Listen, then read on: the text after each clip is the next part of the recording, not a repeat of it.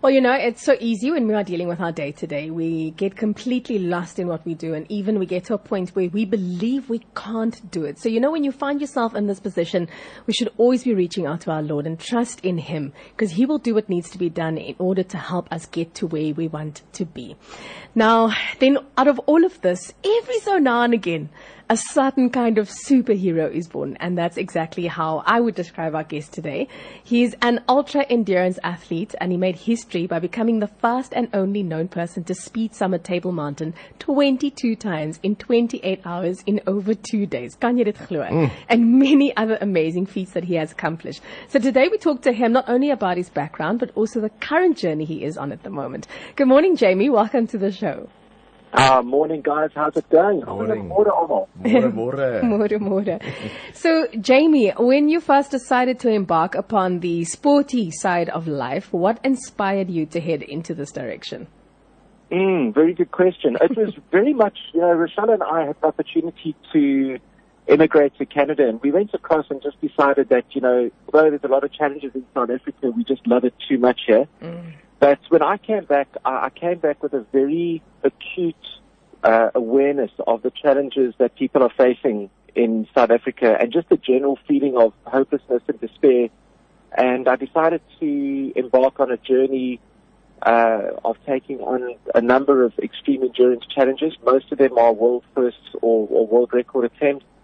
And, uh, you know, each of those challenges are, are really just metaphors for what people are facing in life. I don't know what a metaphor is in Afrikaans, but a metaphor.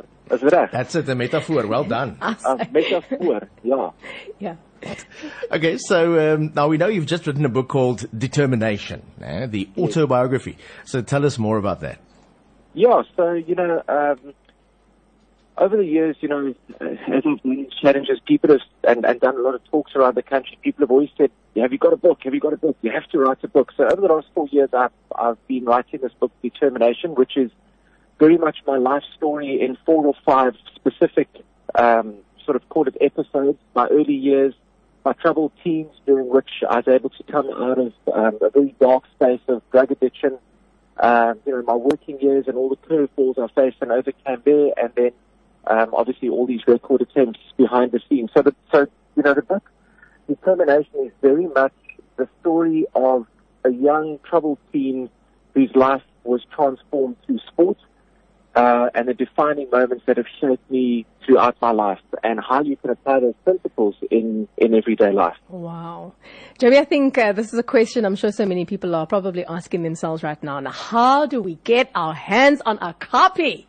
yeah, we've made it so simple. Just go to jamiemarais.com, Okay. not .com, jamiemarais.com, it's M-A-R-A-I-S, and literally on the homepage, click to order a copy in South Africa, fill in your details, and you'll have a book within two or three days. The stock was delivered to me on Saturday, so I've been running around doing book signings and, and deliveries and getting couriers going. There's been a massive uptake, and um, I've got some very good feedback from the book.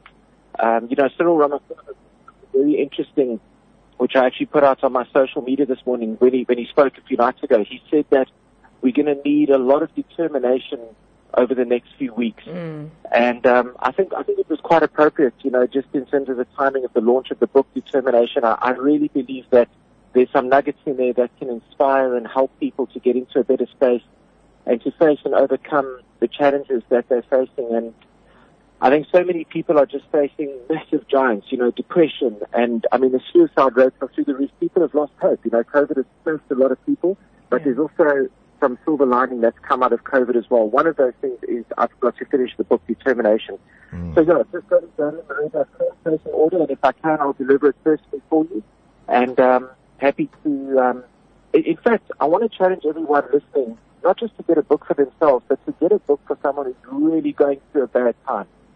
That'd be that'd be awesome, you know. Yeah. Uh, well, it is Christmas time, so I'm guessing people uh, want to buy gifts for one another. Um, w- w- the cost of the book again? Uh, it's two ninety nine, and then about eighty bucks for delivery countrywide. We can deliver anywhere in the country, and uh, if it's in the local areas, and I can, uh, I'll personally deliver the books myself and do a, do a signing and a photo moment. Um, obviously, as time and circumstances allow. Oh, awesome. It must have been tough during lockdown for a guy like you that's so active. Yes, I tell you what, there's only so many times you can run around your garden.